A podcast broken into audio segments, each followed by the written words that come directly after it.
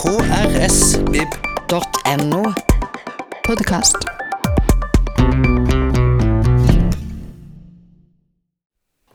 Han har vært krigskorrespondent, faste kronikker i, po- eh, i politikken, romanforfatter, essayist, en av Nordens store tenkere, en av de store intellektuelle, og vi får lov til å møte han her i dag. Ta godt imot Karsten Jensen.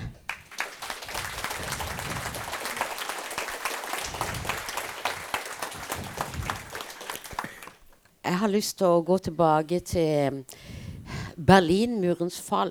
For du mener at mye starta der. Der alt lå som visjoner og håp. Ja, det er jo snart øh, 30-året for, for Berlinmurens fald. Ja. Og det var jo et tidspunkt, hvor verden virkelig så ud til at gå fremad. Apartheidstyret var ved at slutte i Sydafrika. Sovjetunionen øh, var også på vej til at blive til noget helt andet, og troede vi meget bedre. Og frem for alt Berlinmuren faldt, og det ene østeuropæiske land efter det andet øh, løsrev sig fra den sovjetiske dominans, der havde varet siden 2. verdenskrig, og så begyndte et helt nyt kapitel i verdenshistorien, som vi jo alle sammen troede stod i demokratiets tegn. ja. Og øh, der var en amerikansk tænker, Francis Fukuyama, der formulerede den her berømte tese om det, han kaldte historiens ende. Det vil sige, det han mente var egentlig historiens højdepunkt. Nu kunne det nærmest ikke blive bedre. Øh, nu var vi hensides de store dramatiske revolutioner og forandringer, især dem til det værre, som det 20. århundrede jo havde været så fuld af, nazisme og kommunisme. Øh, og så gik det jo ikke helt sådan. Det er jo ikke sådan, at der er sket noget store dramatiske vendepunkter. Men demokratiet synes ligesom igen at være på retræte mange steder og blive eroderet smuldre indenfra. Og øh, frem for alt det er jo mest altafgørende, der er sket siden da, og som kommer til at diktere et helt nyt liv for de kommende generationer. Ja. Det er jo den globale opvarmning. ja og det, det, det må vi komme tilbage til. Men, vi men jeg vil ikke give mig helt her. For dette eh, Med at alt lå så til rette for verden den gang, så, så skriver du at eh, uh, engagementet forsvandt. eh, vi, vi trængte egentlig bare disse politikere til at smøre maskineriet. Altså, og, og så skri, skriver du at uh, vi har siden da nærmest fått sånn funksjonæraktige politikere uten visjoner. Ja, altså man kan jo sige, at det der skete i første omgang efter 2. verdenskrig, da 2. verdenskrig slutter, det er jo et andet stort historisk skæld. Der begynder mange europæiske nationer med Skandinavien i spidsen at skabe velfærdsstaten. Og det tror jeg er vores store, unikke bidrag til verdenshistorien. Det er velfærdsstaten. Øhm, og så er det som om, at da muren først falder, så føler politikere og måske også befolkningen, at nu har vi ligesom nået i mål, nu er vi Ja. ja. i sikker havn, og politikerne begynder at se sig selv som tekniske administratorer af et system, der kun behøver små korrektioner. Men en anden ting, der jo også sker, da muren falder, der er socialdemokratierne, arbejderbevægelserne, der har skabt velfærdsstaten, alle steder på retræte. De har ligesom tabt pusten, øh, og det er neoliberalismen, der er i fremgang med Ronald Reagan, Margaret Thatcher og også Bill Clinton, Ja. der i 1999 indførte den der såkaldte deregulering, hvor der ikke længere er styr på banker og finanskræfter, hvor de enorme kræfter, der ligger i de store kapitalansamlinger og multinationale, de får frit løb, skaber globaliseringen. Men pludselig går det op for os, at vi alle sammen et eller andet sted er blevet umyndiggjort. Og reaktionen bliver så populisme og nationalisme. Øhm, og det er jo ligesom der, vi er nu. Det, mm, At, at, altså jeg ser jo den højre populisme, som også står stærkt i Skandinavien, mm, øh, som udtryk for en form for rådvildhed. mm, jeg ser det ikke som i 1960-tallet, med nazismen og fascismens fremmars, som en, en øh, sådan stærk kraft, der ved, hvad den vil, der grundlæggende vil skabe en helt anderledes og i øvrigt aldeles modbydelig verden. Nej, jeg ser det mere som et udtryk for en erosion af de demokratiske systemer, vi har haft så stor tillid til. Et, en, et skår, en kløft i vores tillid til vores egne stater og til hinanden også.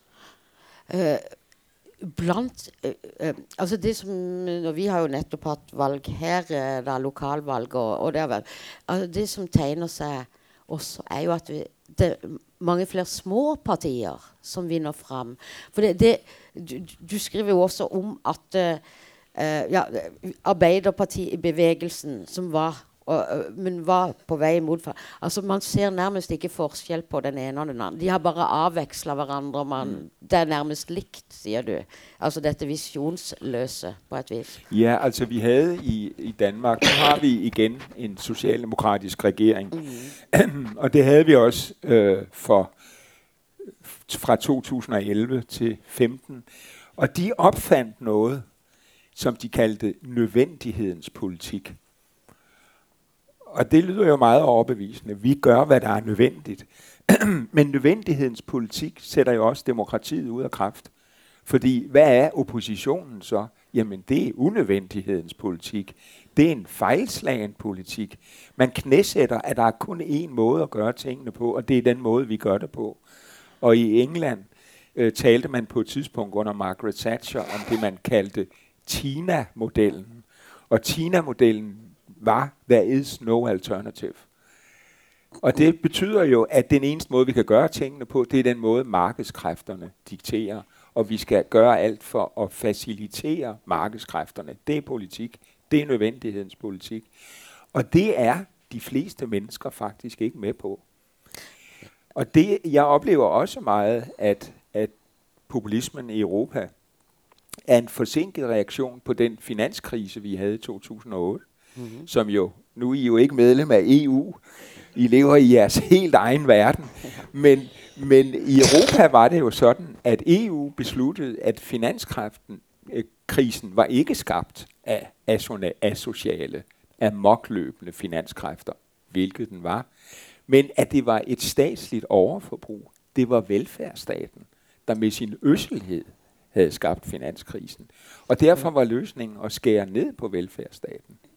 Og det tror jeg meget er også det, som populismen er en reaktion på. Hvis ingen andre vil protestere, jamen så gør de det. Og så bliver det jo så til gengæld blandet op med fremmedhad og had til eliten mm. Mm. og alt det, der i øvrigt øh, karakteriserer det mm. yderste højre. For vi tager jo udgangspunkt etterpå har vi i disse tre bøkene, altså tre, Karsten Jensens tre essaysamlinger, som er kommet nå i fjor og i år, år på 109, 111 og 115 små kapitler. Det var godt husket, ja. eh, som eh, Jeg bare sier, vi rekker bare innom litt, ikke sant.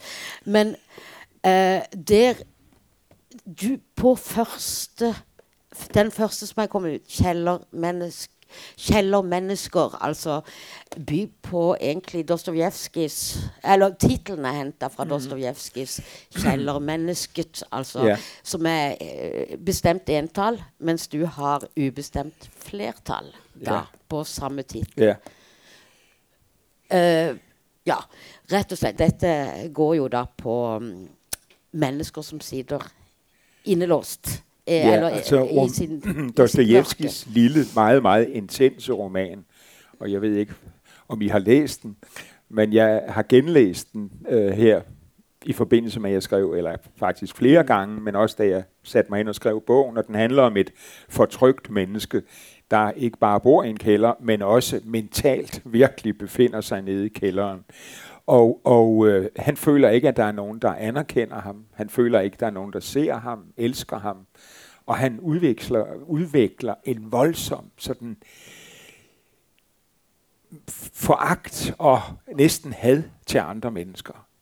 Øh, og selv da han møder kærligheden, kan han ikke tage imod den, fordi han er blevet så låst fast i sin følelse af at stå i et hjørne, at han kan ikke komme ud af hjørnet igen. Og det er en øh, meget tragisk lille roman. Mm. Men jeg synes på en måde, den skildrer en mental tilstand, som jeg tror mange mennesker lever i. Mm. En følelse af, at de har tabt deres orientering. De ved ikke længere, hvor de er i livet. De ved mm. knap nok selv længere, hvem mm. de er. For de omgivelser, der fortæller os, hvem vi er, de forandrer sig jo hele tiden. Hvis man bor i et distrikt, i Danmark kalder vi det udkant, og det er et nedsættende, derogativt udtryk, jamen så ser man jo, hvordan at, at centralisering gør, at alting kommer på længere og længere afstand. Mm. Jeg kommer mm. meget på en lille ø i Østersøen, der hedder Ærø, fordi jeg har skrevet en roman, Vi de druknede, ja. der udspiller de sig der. på, mm. på øen, og jeg er også født der. Og øh, der kan jeg jo se, hvordan i Marstal, den lille by, jeg kommer fra, pludselig er, nu ved jeg ikke helt, hvad det hedder på norsk, Rådhuset, Rådhuset. Rådhuset, ja. ja. ja. Er forsvundet. Skolerne er væk. Færgen er væk. Alt det, der symboliserer, at vi er et fællesskab, vi har bygget noget op sammen gennem mange år, pludselig er det væk. Og det er den der rådløshed, som populismen taler ind i. Hmm. Øh.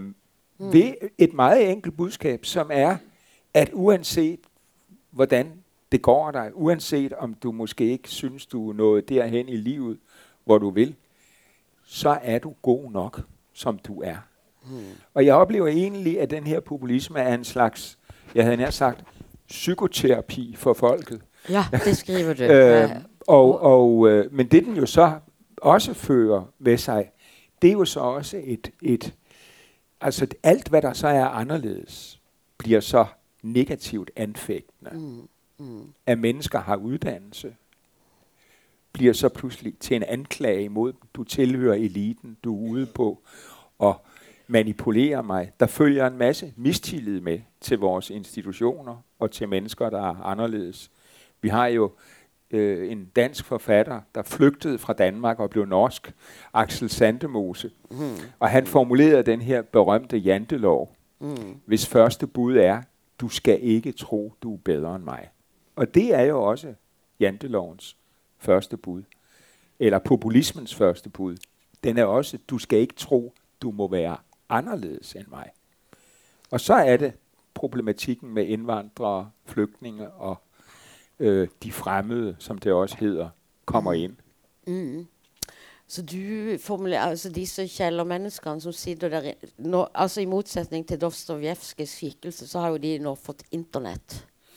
Ja, men det gør dem jo på en måde kun til endnu mere kældermennesker. Ja. Altså ja. man kunne også kalde det kældernettet. Ja, uh, ja fordi mm. det, det er jo også blevet noget, der så ligesom giver fri ja, frit udbrud for mm. Mm. de mørkeste følelser i mennesker. Og, og, og du beskriver da at disse mennesker, ja, som har falt ut ut fra hvad du nå nærmest også har beskrevet, så gør de nærmest det samme selv. De da angriber de, som også er anderledes. Mm. Eh, ja, altså yeah. de, de, de sitter i, i sitt mørke og finner ut at de vil angribe nogen. Altså, så dette er jo en sådan forrykkelse, der... Jo, men man kan jo også sige, hvis du ligesom... Hvad er det, der undergraver den livsform, vi har? Jamen, det er jo et, ja, det er faktisk et samfundssystem, som er enormt dynamisk. Kapitalismen, for nu at bruge det ord, er jo en utrolig dynamisk samfundsform. Den forandrer byerne næsten fra år til år den forandrer det arbejde, vi skal beskæftige os med. Den er fuld af udfordringer. Det kan godt være, at vi lever med en følelse af også at blive rigere. Vi lever også med en følelse af hele tiden at miste noget. Vi lever i en følelse af tab. Øhm, og og øhm, et af udtrykkene, globaliseringen, hvad det så end betyder, er jo ligesom blevet et af symbolerne på, mm. at vi lever i den her mere og mere fremmedgjorte, umyndiggjorte verden. Men hvordan ser globaliseringen ud? Hvor møder vi globaliseringen på gaden? Ja, det gør vi, når der går en indvandrer forbi. Og så bliver indvandreren pludselig det håndgribelige udtryk for alt det, der er sket med mit liv, som jeg ikke har kontrol over, og som spænder ben for mig. Der går han. Mm. Og han ser anderledes ud. Han har en anden hudfarve måske noget andet tøj, hvis det er en kvinde, et tørklæde. Og så bliver verden ligesom til at forstå og forklare og håndtere. Man får ja, Ja. satt, satt fingeren på Ja. Eller Ja. men, eh, eh, Altså Hvis vi holder oss til begrepet kjellermenneske, så har jo altså vi i Norge virkelig mm, offisielt hatt et ordentlig kjellermenneske. Eller som satt inne i sin leilighet hos sin mor, som ramma Norge 22. juli. Ja. Mm. Ja, han hedder Anders Bering Breivik. Ja, det gjør han. Noen vil jo helst ikke bruke hans navn, men det gjør du. Ja. Ehm, jeg, jeg hørte et intervju med deg der du, der du har sett eh, den filmen som ble lagd. Erik Poppes film. Mm. Som jeg synes er en fremragende film. Mhm. Og den mest uhyggelige film, jeg nogensinde har set. Ja. Ehm, men når vi var vitne til dette den gang, 22. juli, så, så så vi jo etter selvfølgelig hvem kan ha gjort det. Og det var på det tidspunktet ingen som så for seg at dette kunne være en sånn eh, eh, etnisk nordmann Nei. med men, men så, dette har skjedd flere ganger rundt i verden etterpå, men det Ja. var nytt da. Denne mannen, altså Der var jo en, en stor diskussion heroppe, fordi først fik han jo en diagnose, som jeg tror, det var skizofren. Mm. Og øh, Som den, ikke den, have. den diagnose støtte mange mennesker, fordi de mente, at så kunne han ikke drages til ansvar for mm. sine gerninger, og så fik han en ny, og derfor sidder han nu i fængslet. Men, men øh, jeg gjorde mig også mange tanker om Breivik. Og det, der slog mig mest, det var, ja, i Norge var han jo det, man i terroristjargonen kalder en ensom ulv. Ingen vidste, hvad han lavede. Han forberedte det her i dyb ensomhed. Havde nogen vidst det, er jeg sikker på, at han var blevet stoppet. Øh, og han kom også så langt med sin ugerning, fordi det norske politi var forbløffende inkompetent. Øh, og det var de sikkert, fordi I, I og vi i Danmark ikke tror, så noget kan ske i vores land. en naivitet. Så derfor reagerer vi ikke, som vi burde have gjort. Men, men det, der slog mig, var jo, at jeg var i, på 90-tallet på Balkan under krigen. Ja. Og på Balkan var der ikke ét utøjer. Der var 1000 utøjer. Der blev Øh, 1000. 1000 utøjer. Der var Utøjer. 1000 brejvikker.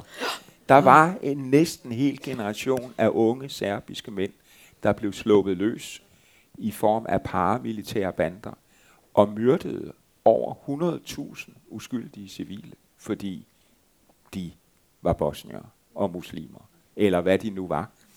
Øh, og der var pludselig et samfund, hvor det blev normen, hvor man blev opfordret til at opføre sig som Breivik, og blev belønnet, fik social anerkendelse for at gøre det, fordi man kæmpede mod en farlig fjende.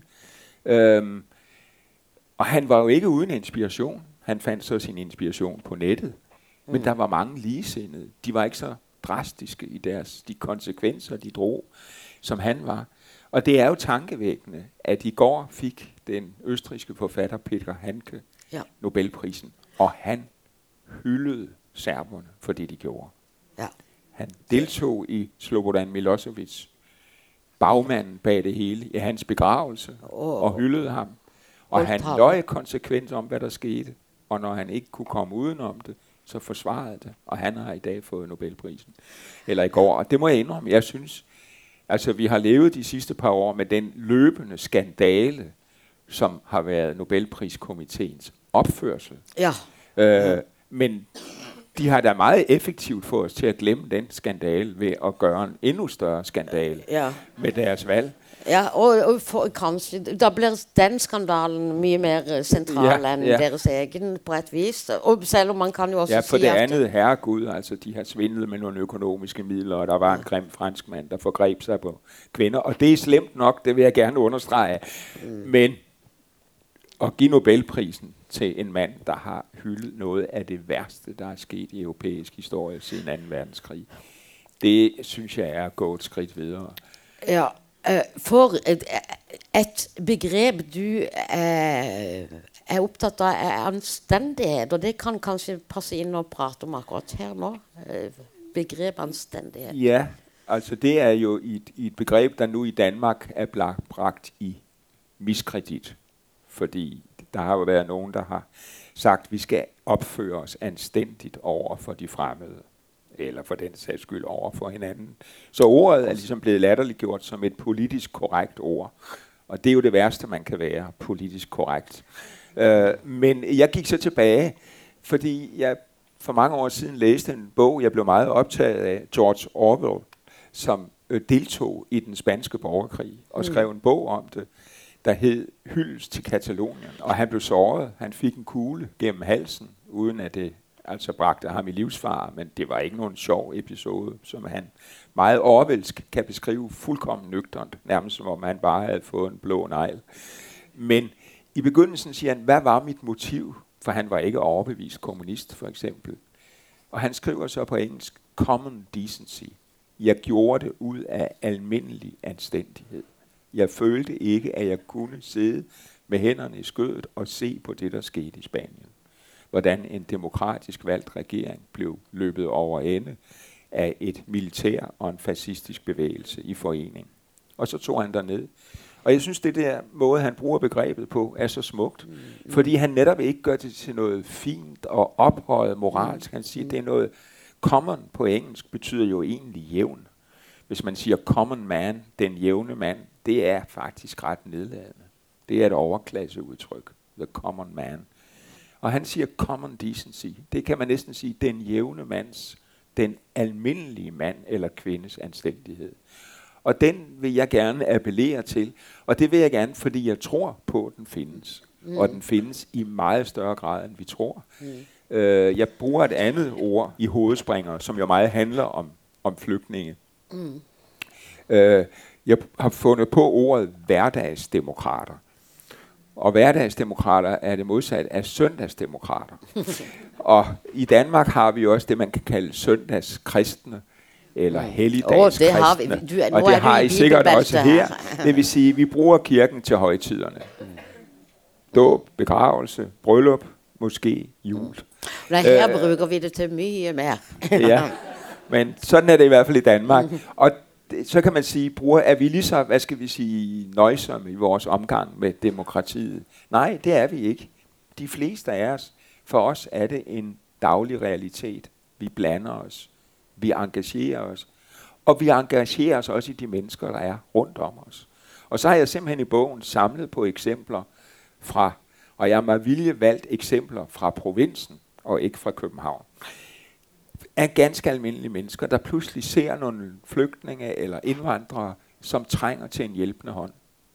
Og de er ikke venstreorienterede, de danskere. Det er ganske almindelige, jævne, anstændige mennesker, der siger, jamen, du har jo brug for en hånd, og her er den. Mm.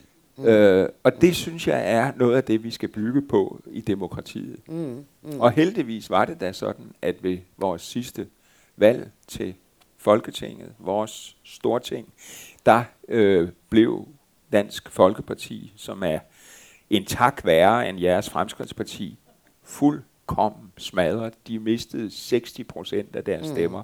Det var et historisk kollaps, og man kan stadig se på deres ansigter, at de er i chok. Øh, og det er så dejligt at se de ansigter. øh. For det du mener her, at folk var... Ja. For, Folk er rett og slett lei av tematikken. Folk har fået nok af den ja. retorik og den konstante forfølgelse af mennesker, som i øvrigt har integreret sig, passer glimrende ind, passer deres arbejde, og så hele tiden skal undsiges. En af de historier, jeg har fundet, stammer fra et, en, en by i Jylland, øh, Randers, hvor der er en Randers, stor, ja. supermarkeds, herfra, stor supermarkedskæde, der hedder Føtex. Og der i tøjafdelingen, i bukseafdelingen, er der en ung kvinde med somalisk baggrund, og hun går med tørklæde. Og der er aldrig nogen, der har fortalt hende, at det er der noget mærkeligt i. Men så en dag kommer der en kunde, en ældre mand, der skal have et par jeans, og han vil ikke ekspederes af en kvinde med tørklæde. For han føler, at det er truende for ham.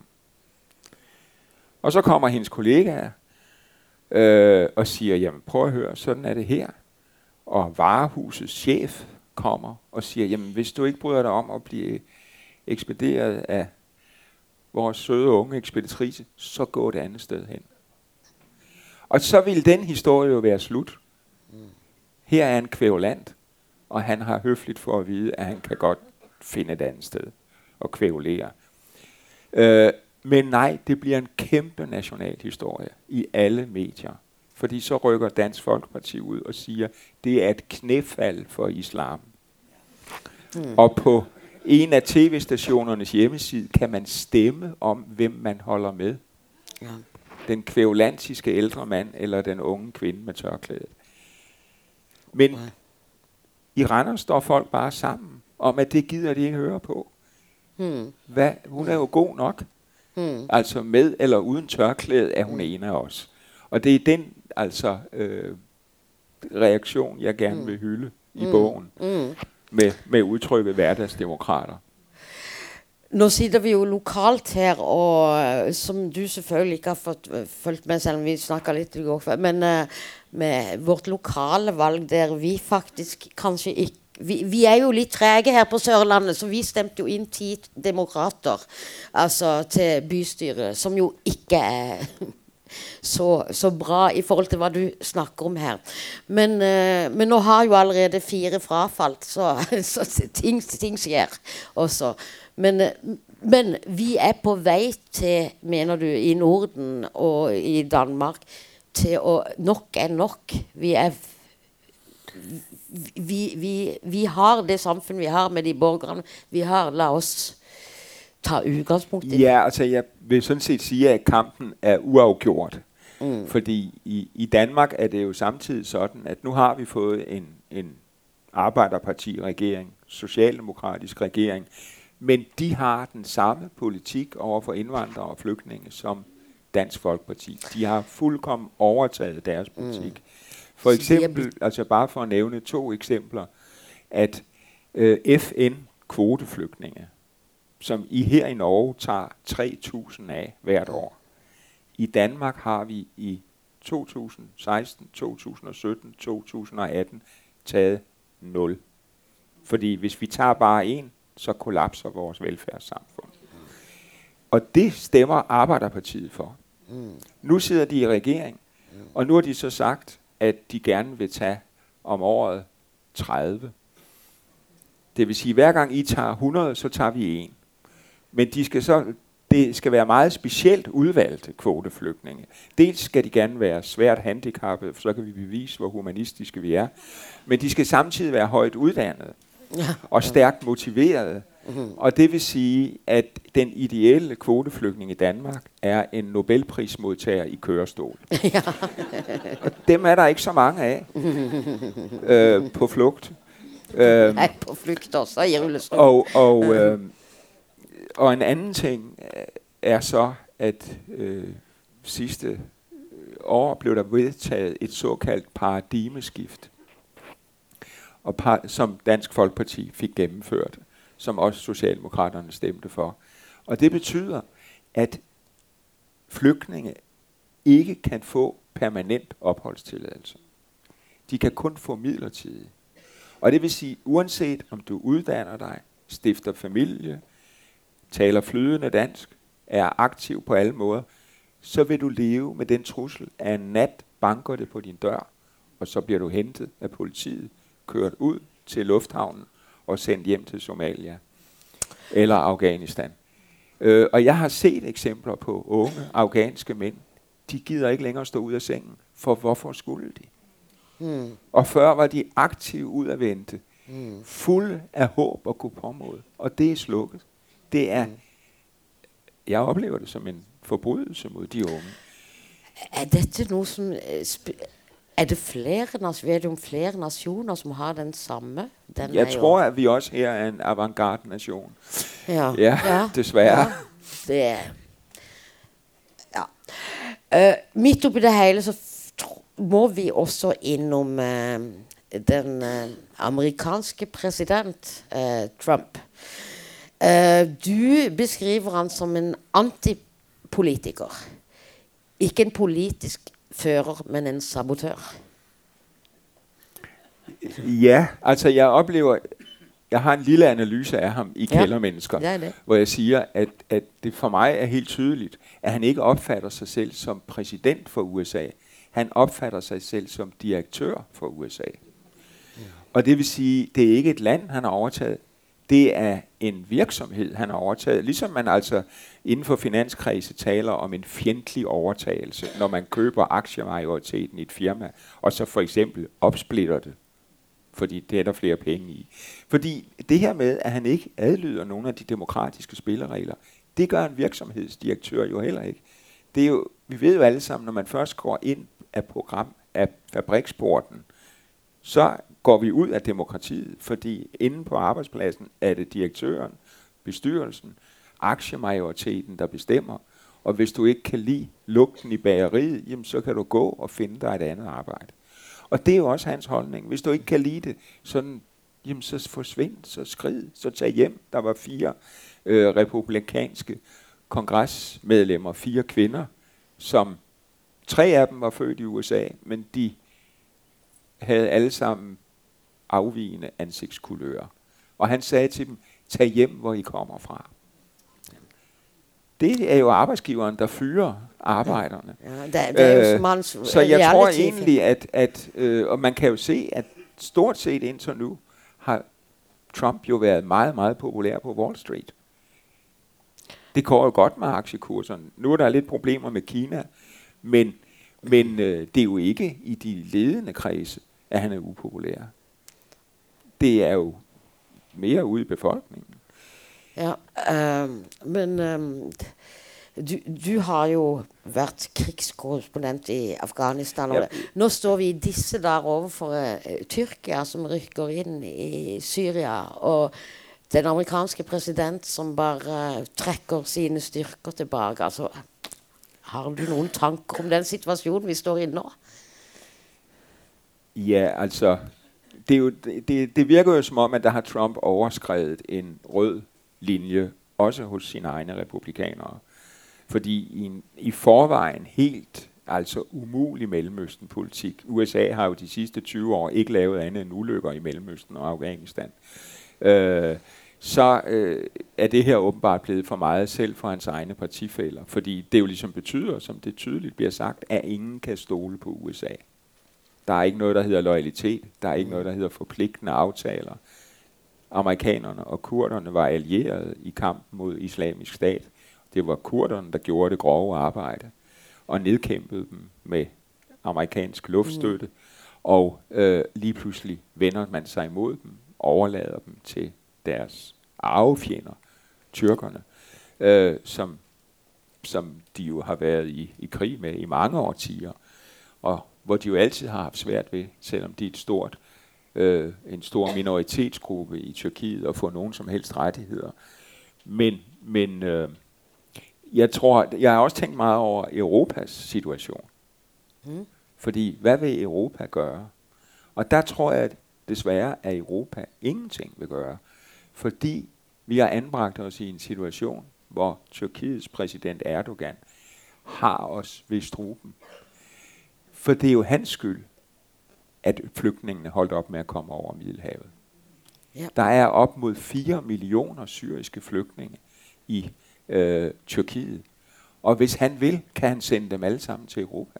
Mm. Og hvis vi begynder at protestere alt for meget, så gør han det. Så, ja. Og det vil sige, en væsentlig del af europæisk flygtning- og udenrigspolitik har vi sat i pant hos Erdogan.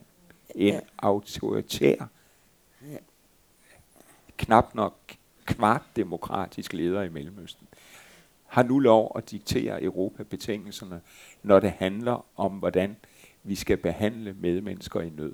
Mm. Og det, altså, vi kan alle sammen sidde og forarve os over Trump og synes, han er forfærdelig.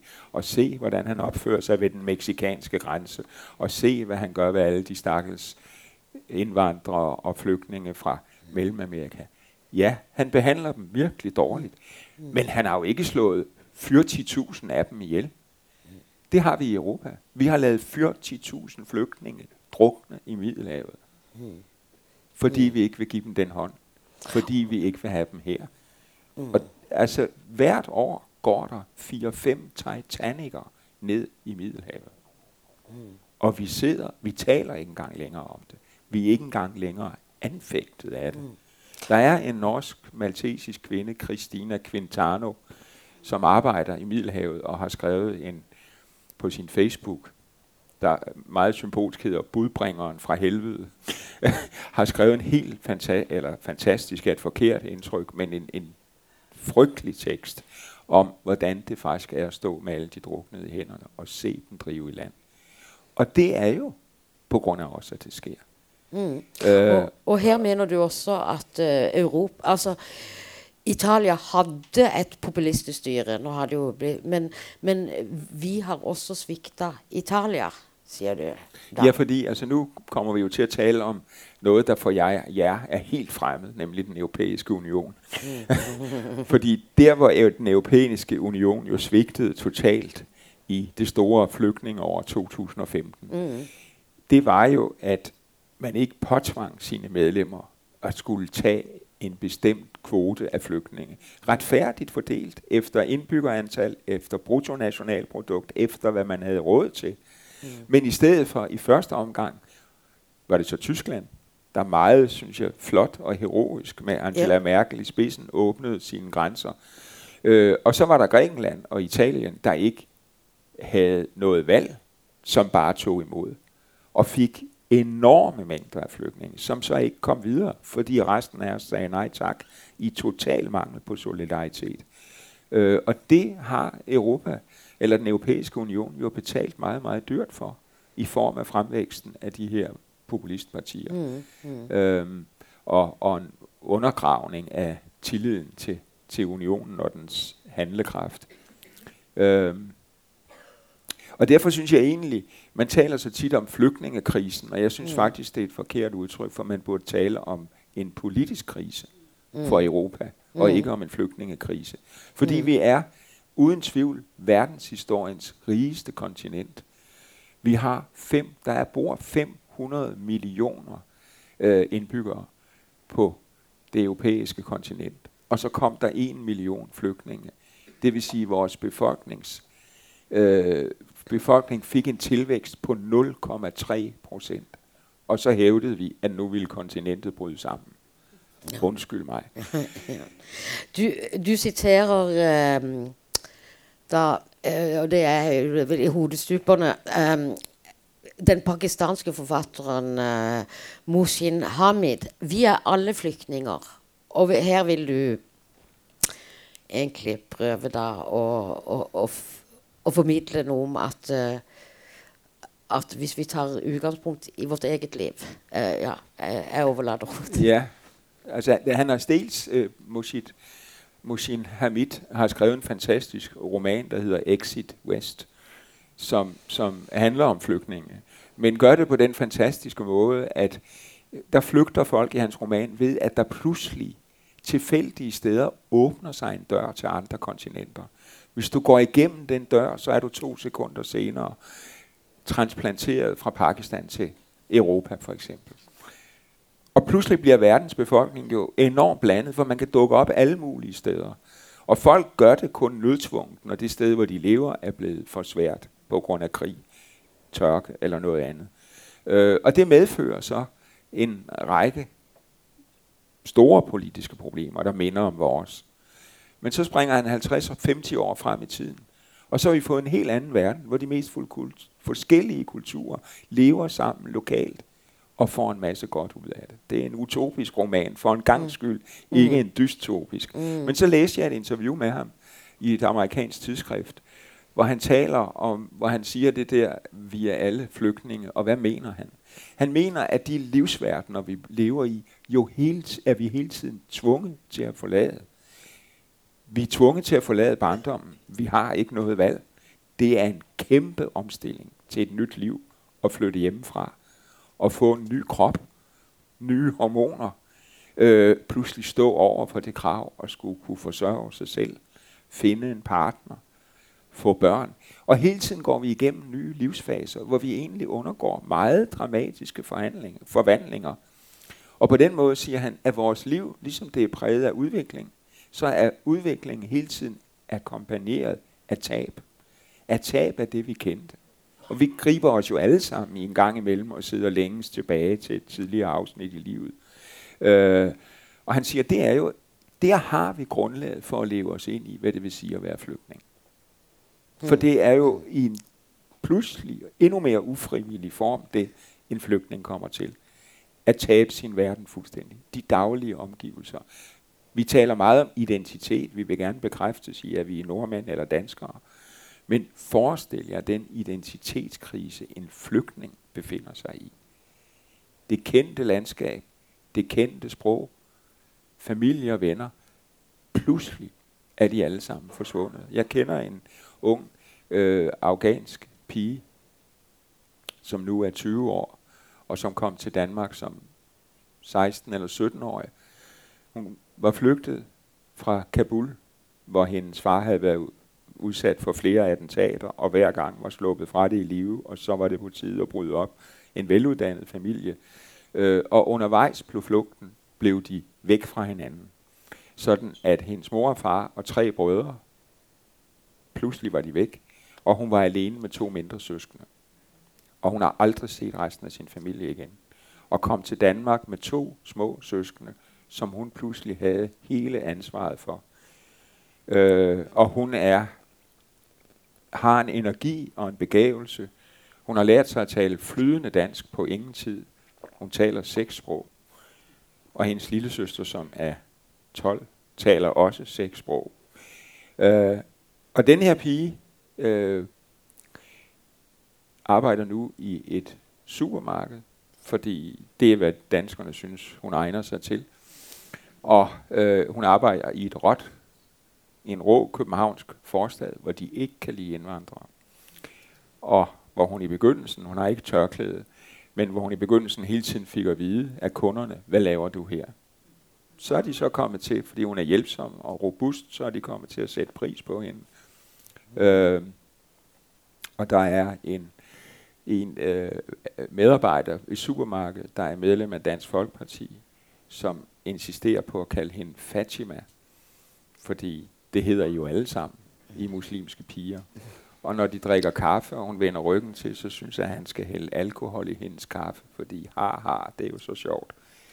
Og ham har hun sat på plads, og er begyndt at kalde Karl Børge.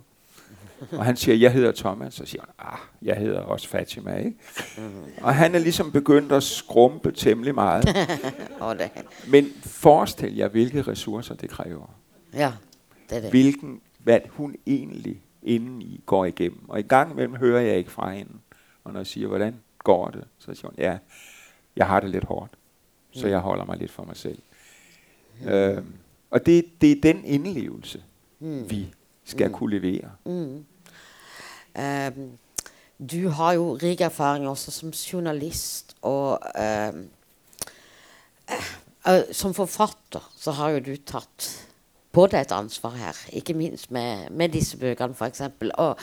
Men hvor, hvordan står det til med hvordan forfattere nej, øh, journalister, egentlig Du har en historie her som er der du beskriver den sørafrikanske fotografen Kevin Carter, som i 1994 fik Pulitzerprisen. Kan du ta den, beskrive den, altså? Hvordan hvordan journalismen også kan være på et vis. Ja, det er en, en, en historie, som har gjort meget stort indtryk på mig med mm. Kevin Carter. Han dækkede en, en hungersnød i Somalia. Mm. Og, øh, eller Sudan, kanskje? Eller var det... Ja, Sudan. Eller Sudan. Eller, Sudan, det, var, det var ikke Sydafrika i hvert fald. Han er sydafrikaner. Ja. Men det var ikke Sydafrika. Det var Somalia eller Sudan. Jeg tror, det var Sudan. Ja. Og øh, så spacerer han rundt for at finde et godt motiv, og så finder han så en øh, lille pige, der på alle fire, hun er så udmattet, kravler alene gennem sandet. Og der er så en grib, der har slået sig ned, og bare sidder og venter på, at hun skal bryde sammen. Gribben angriber jo ikke levende væsener, men venter. Så den venter på, at hun skal kollapse og ligge stille. Og det gør Kevin Carter også, fordi så vil han få et fantastisk billede. Øh, så han sidder og venter, Og det han venter på er også, at griben skal slå vingerne ud. Fordi det ved han rent fotogent, vil det se fantastisk ud. Det gør den ikke. Øhm, og så til sidst tager han sit billede. Og så går han igen. Og øh, så får han så en høj, prestigiøs pris Ja, for Pulitzer. sin dækning af den her hungerkatastrofe. Og øh, så er der nogen, der begynder at anklage ham. Og han insisterer jo på, at han er fotograf, og han er ikke NGO'er eller redningsarbejder. Øh, men det begynder så at gå ham så meget på, at han ender med at begå selvmord. Mm. Mm. Men det er jo en historie om det med at se på andres katastrofer. Og så stille sig selv spørgsmålet, eller ikke stille sig selv spørgsmålet. Hvad kan jeg gøre? Og for de fleste af os, eller os alle sammen, vi sidder jo ikke som ham på gerningsstedet, havde jeg nær sagt. Vi sidder jo ikke ved siden af og kan række hånden ud. Vi ser det på en skærm. Og jeg tror, mange mennesker reagerer på andres lidelser på en skærm ved først at føle medlidenhed, så føle afmagt, fordi vi kan jo ingenting gøre. Og når man så føler afmagt, så slukker man. Hmm. Også for sin indlevelse, også for sin medfølelse. Øhm, og der er en amerikansk øh, journalist, der har opfundet ordet medlidenhedstræthed. Og det tror jeg er en diagnose, der passer på de fleste af os. Noget af tiden, men ikke hele tiden. Men noget af tiden gør det i hvert fald. Mm. Så skal vi gå inn mot tida Vet du hvis dere, er- Noen har kanskje men jeg vet at her kunne vi ha sittet noen timer. da. Men eh, vi skal vi, ehm, snakker nå om et barn, ikke sant, som var på, i en hungerskatastrofe. Her henvender du i, i Mot stjernen henvender du deg spesielt til ungdommen som du mener voksne har svikta i Og da snakker vi egentlig hovedsakelig om klimakrisen. I dag hadde kanskje mange et håp om at det var svenske Greta Thunberg som skulle få fredsprisen. Eh, men hun skaper kanskje et nytt håp for verden. Ja, altså jeg skrev den her bog, som udkom i Danmark øh, i oktober sidste mm. år, og den mm. kom i Norge i marts. Mm. Og den handler om mange ting. Det er mit mm. forsøg på ligesom at forstå unge. Mm. Øhm, Og skam, blandt andet. jeg har også skrevet meget om skam, Mm. fordi jeg fortalte min datter, som øh, mens jeg skrev på den, var, ja hun er først i 20'erne, og hun spurgte, hvad laver du? Og jeg fortalte lidt om bogen, så sagde hun, har du set skam? Så sagde jeg, nej, det har jeg ikke. Så sagde hun, så ved du ikke noget om unge. Mm. Øh, og så satte vi os hen sammen og så hele serien fra en ende af. Og jeg blev meget, meget begejstret. Jeg synes, det er en fantastisk serie, øh, som åbnede op for mange Mm. ting. Og det, det, den jo gør, er, at den giver et billede både af unges usikkerhed, men også af deres åbenhed. Den skildrer jo en, en gruppe unge, som hver for sig, jeg kalder dem jeg-svage, hver for sig at har de egentlig svage jeger. De er meget usikre på sig selv og hvem de er. Men til sammen er de, hvad jeg kalder vi-stærke. Og det betyder også, at de er meget rummelige og meget inkluderende, fordi serien handler jo om konflikter. En ung mand skal indse, at han er homoseksuel. Og det har han meget svært ved. Og det har han, fordi han tror, at de andre ikke vil acceptere ham. Men det ved Der er den muslimske pige Sana. Hvordan passer hun ind i gruppen? Fordi hun har en helt anden baggrund. Øh, men noget, der også slog mig i historien, det var forældrenes fuldstændige fravær. Forældrene optræder aldrig, heller ikke skolelærerne. Kun i bitte små glimt. Øh, en af pigerne har en mor, der er deprimeret. Vi ser hende et øjeblik med hovedet lige stikkende op under dynen, for hun er altid, ligger altid i sengen. Og en anden øh, bliver overrasket, da hun på sit værelse har det lidt sjovt med en fyr, og moren er helt hjælpeløs og forfjamsket og ved ikke, hvad hun skal gøre. Det er ikke nogen forældre, man kan hente hjælp hos. Øh, men de henter så hjælp hos hinanden. Mm. Mm. Og der prøvede jeg ligesom også at tænke over, når unge gør noget politisk, hvordan gør de det så? For de organiserer sig jo ikke i politiske partier. Det siger dem ikke noget. Eller ikke de fleste i hvert fald. Øhm, og der har jo været ansatser til bevægelser.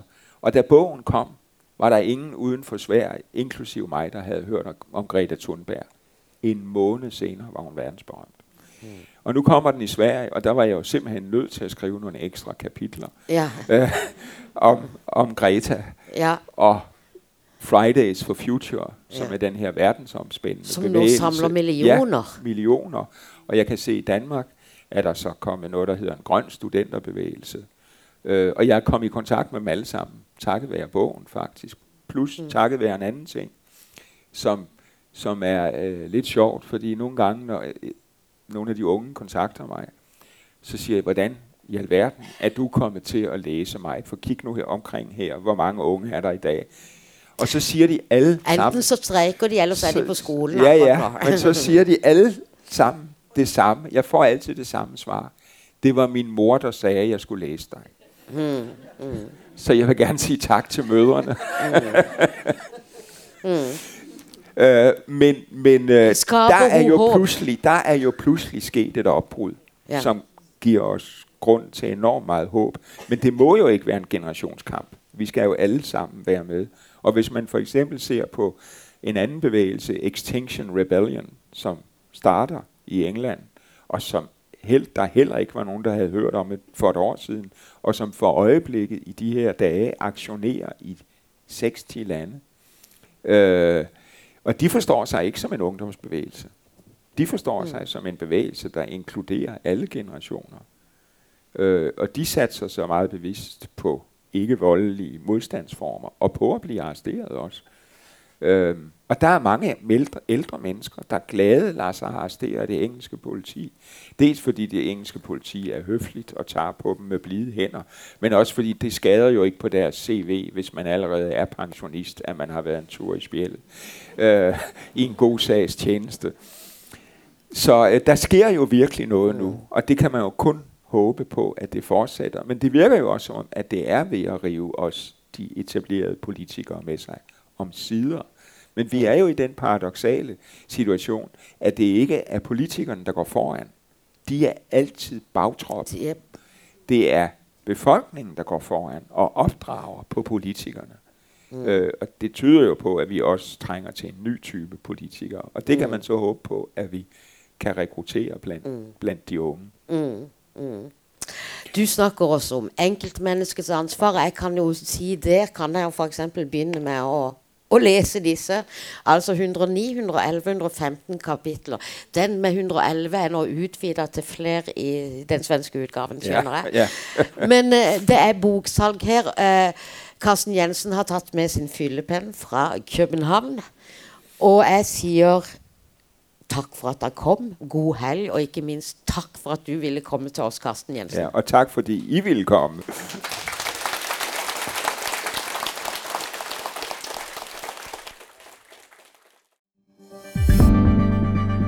Flere podkaster fra oss finner du på Google Podkast, Apple Podkast eller iTunes, eller ved å stikke innom vår hjemmeside på krsbib.no.